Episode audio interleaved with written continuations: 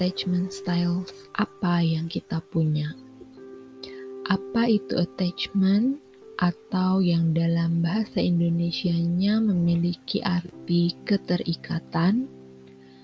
Attachment atau keterikatan ini didefinisikan oleh John Bowlby sebagai hubungan psikologis yang langgeng antara manusia, atau dengan kata lain bisa disebut juga sebagai ikatan afeksi dan ikatan emosional. Attachment styles ini atau gaya keterikatan emosional ini terbentuk dalam kehidupan seorang manusia pada saat kita masih bayi Inilah yang menjadi dasar attachment styles apa yang kita punya setelah dewasa. Cara orang tua membesarkan anaknya juga sangat berpengaruh pada pembentukan attachment style ini, yang pada akhirnya membentuk pola pikir tentang apa yang dia harapkan dalam hidup ini. Dan biasanya pun attachment styles yang orang tua miliki akan turun kepada anaknya. Ada tiga attachment styles yang akan saya bahas, yaitu secure attachment style, anxious attachment style, dan avoidant attachment style. Yang pertama adalah secure attachment style atau gaya keterikatan yang aman. Orang-orang dengan gaya keterikatan ini adalah mereka yang selalu merasa aman dan nyaman dengan apa yang terjadi dalam kehidupannya mereka akan punya rasa percaya diri dan rasa keingintahuan yang tinggi. Selain itu, mereka juga lebih sering merasa bahagia sepanjang hidupnya.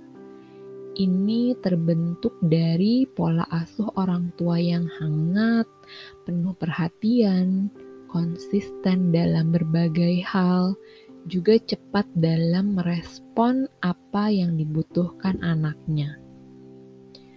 Terus, orang-orang dengan secure attachment style ini juga sering mendapatkan kenyamanan dari keluarganya ketika mereka punya masalah.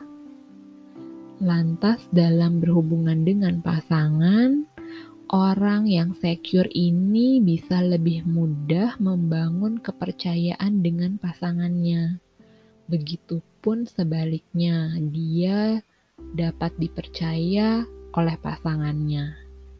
Selain itu, orang-orang dengan secure attachment style ini bisa memberi juga menerima cinta kasih dari pasangan tanpa merasa takut atau terbebani mereka juga nggak takut dengan kedekatan emosional, juga nggak panik nih ketika pasangan membutuhkan waktu sendiri.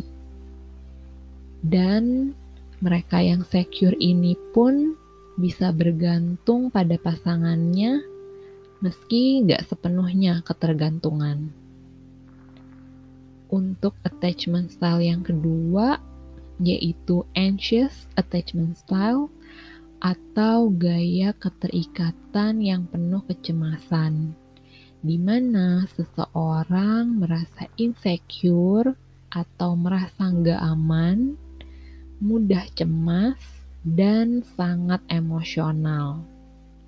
Kecemasan itu terbentuk oleh rasa takut ditinggalkan atau diabaikan oleh orang-orang yang mereka sayangi. Biasanya ini membuat mereka jadi sangat bergantung nih kepada orang lain. Dan kalau kepada pasangan tuh jadinya pengen ada di samping mereka terus. Contoh perilaku orang-orang anxious yang lain adalah biasanya nih mereka tuh langsung gelisah saat pasangannya nggak ngangkat telepon misalnya atau nggak bales WA cepet gitu. Nah ini udah ciri-ciri anxious. Terus juga nih biasanya di benak mereka selalu muncul pertanyaan bener gak sih pasangan saya sayang sama saya atau kayak pasangan saya peduli gak sih sama saya gitu nah ini tuh selalu muncul ada di benak mereka maka yang si anxious butuhkan ini adalah validasi langsung dari pasangannya. Kayak kata-kata I love you gitu. Atau ya gue peduli kok sama lo gitu. Atau misalnya tenang aku ada kok di sini untuk kamu gitu. Kayak kata-kata kayak gini tuh mereka harus denger langsung dari pasangannya. Karena kalau nggak mendapatkan atau nggak mendengarkan kata-kata ini mereka akan panik dan gelisah terus gitu yang terkadang sampai akhirnya bisa mengira kalau pasangan udah nggak cinta lagi atau dikira selingkuh gitu atau ya hal-hal negatif lainnya. Attachment yang ketiga adalah avoidant attachment style atau gaya keterikatan yang menghindar di mana biasanya seseorang mengalami tekanan emosional sejak kecil sehingga dia nggak bisa percaya sama siapa pun dalam kehidupannya. Ini juga berpengaruh atau dipengaruhi oleh orang tua mereka yang biasanya nggak punya pengetahuan cukup nih gimana cara mensupport anak. Nah orang-orang dengan avoidant attachment ini juga biasanya tuh punya orang tua yang kurang empati yang malah merasa terbebani dengan tanggung jawabnya sebagai orang tua yang akhirnya orang tua mereka nggak punya komitmen dalam mengurus anak-anak mereka. Itulah yang akhirnya membuahkan seorang anak yang nggak mau bergantung sama orang tuanya. Si avoidant ini hanya akan mengandalkan dirinya sendiri karena merasa orang lain gak ada yang mampu memenuhi kebutuhannya. Mereka pun akhirnya jadi takut dengan hal-hal yang bersifat intimacy karena mereka ngira pada akhirnya toh semua orang bakal ninggalin gue sendirian gitu. Di otak mereka tuh kayak gitu. Jadi misalnya ketika ada pasangannya yang pengen mengenal dia lebih dalam, lebih intens lagi. Nah, orang-orang avoidant ini malah menghindar atau menjauh gitu. Karena mereka akan selalu memberi jarak sama orang-orang di sekitarnya yang tujuannya adalah untuk mengamankan diri mereka sendiri supaya mereka nggak terluka gitu. Nah sampai sini nih, apakah kalian udah bisa menentukan kalian termasuk yang punya attachment style kayak gimana. Apakah si secure yang selalu merasa aman dalam hubungan apa pun atau kalian si anxious yang sering cemas, yang gelisah, yang takut ditinggalin sama orang yang disayang? Atau malah termasuk si avoidant yang sering menghindar dalam berbagai situasi? Setelah tahu nih attachment apa yang kalian punya, nah kalian bisa semakin mengenal diri dan memperbaiki apa yang kira-kira kurang baik nih di dalam diri kita. Walaupun memang ya si attachment style ini tuh hanya salah satu cara aja untuk mendeskripsikan siapa diri kita, tapi nggak ada salahnya kita belajar dari attachment style ini tentang apa yang kurang baik, yang harus kita perbaiki, dan apa yang baik yang harus kita ikuti gitu. Jadi hampir sama juga dengan kepribadian introvert dan extrovert ya. Ini salah satu cara mendeskripsikan kita.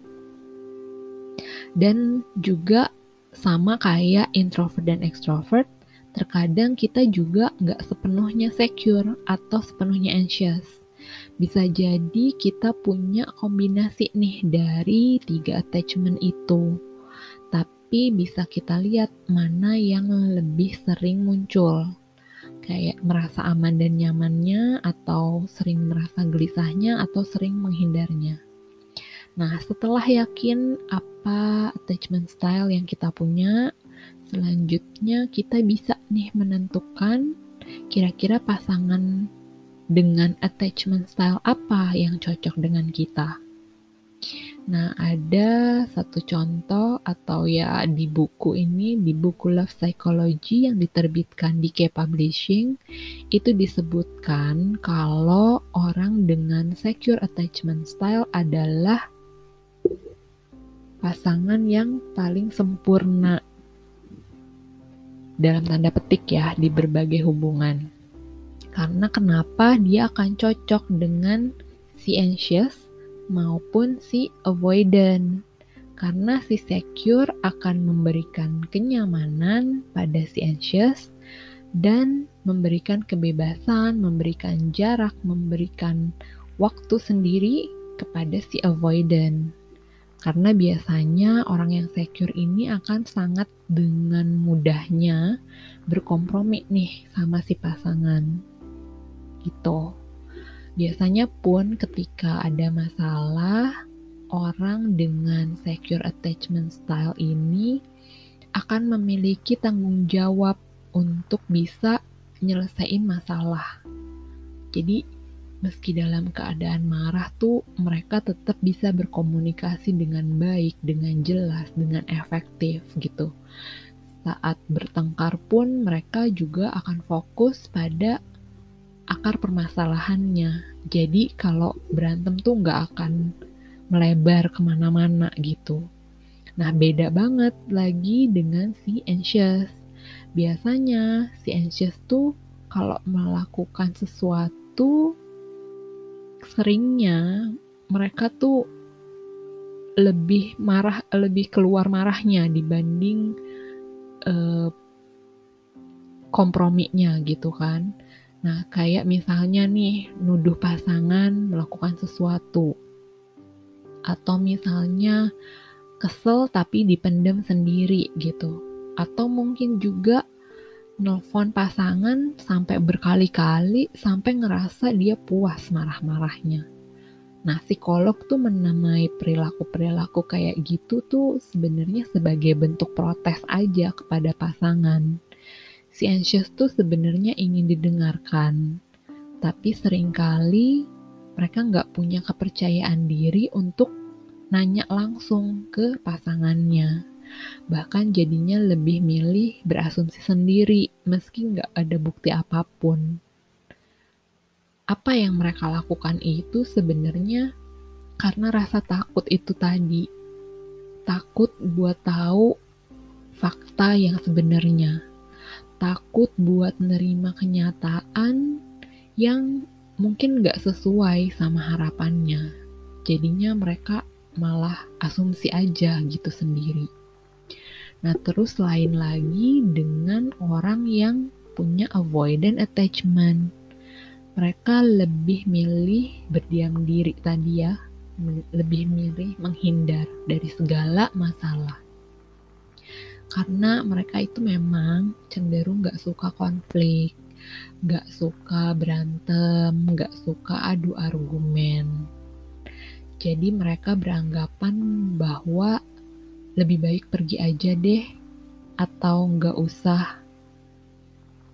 uh, apa berantem gitu ya nggak usah ngangkat telepon deh nggak usah argumen deh gitu walau terkadang nih mereka pun sadar kalau dengan berdiam diri itu mungkin bisa membuat pasangannya sedih merasa pasangannya nggak didengarkan didengarkan tapi mereka tuh simple banget pemikirannya sebenarnya. Mereka tuh cuma mikir dengan diem maka permasalahan bakal selesai gitu dengan sendirinya.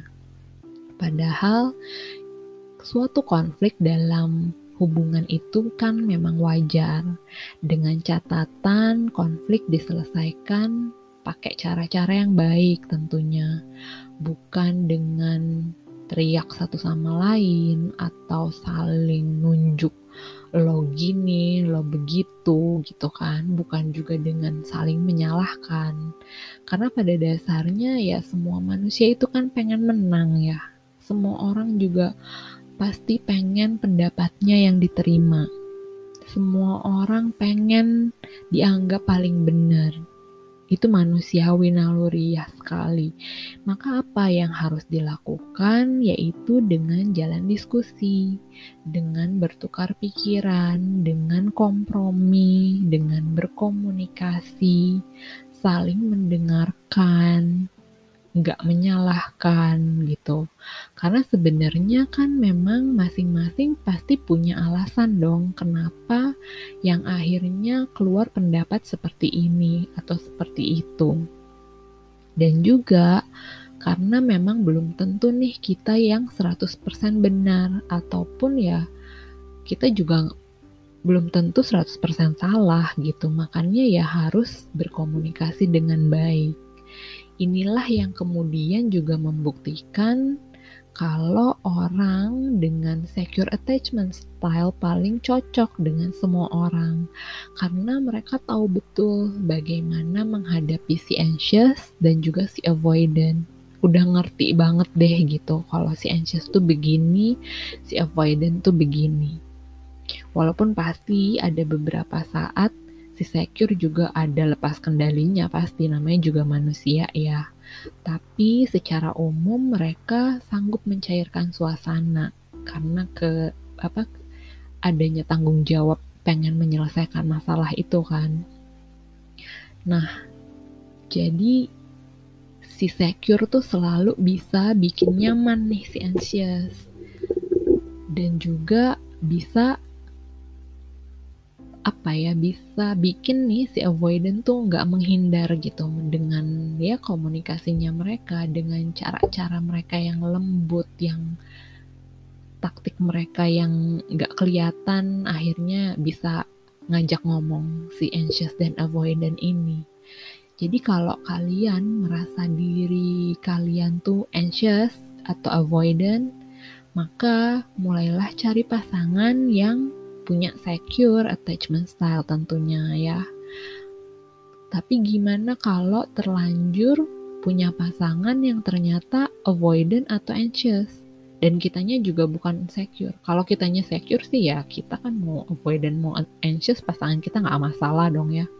Tapi ketika kitanya anxious, pasangan kita avoidant atau kitanya anxious sama anxious tuh biasanya jarang sih, tapi ada aja.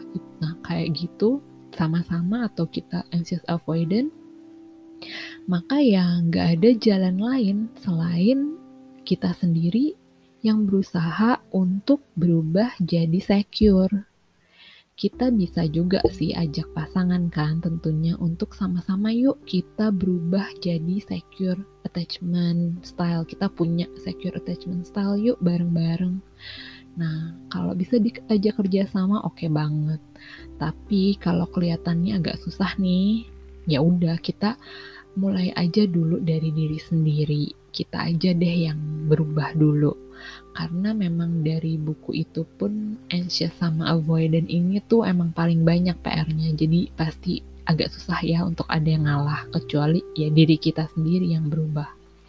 Ibaratnya tuh mereka tuh avoidant sama anxious tuh sebenarnya nggak cocok. Tapi entah kenapa mereka tuh selalu tarik menarik aja gitu dalam suatu hubungan.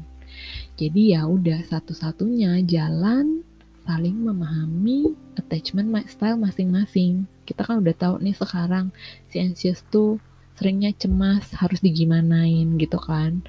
Si avoidant kerjaannya menghindar, kita harus tahu harus digimanain. Jadi kitanya jangan ikut-ikutan, jangan uh, sama kerasnya, tapi ya udah kita harus saling bisa mengisi, kita saling mengalah dan berubah jadi si secure gitu kan.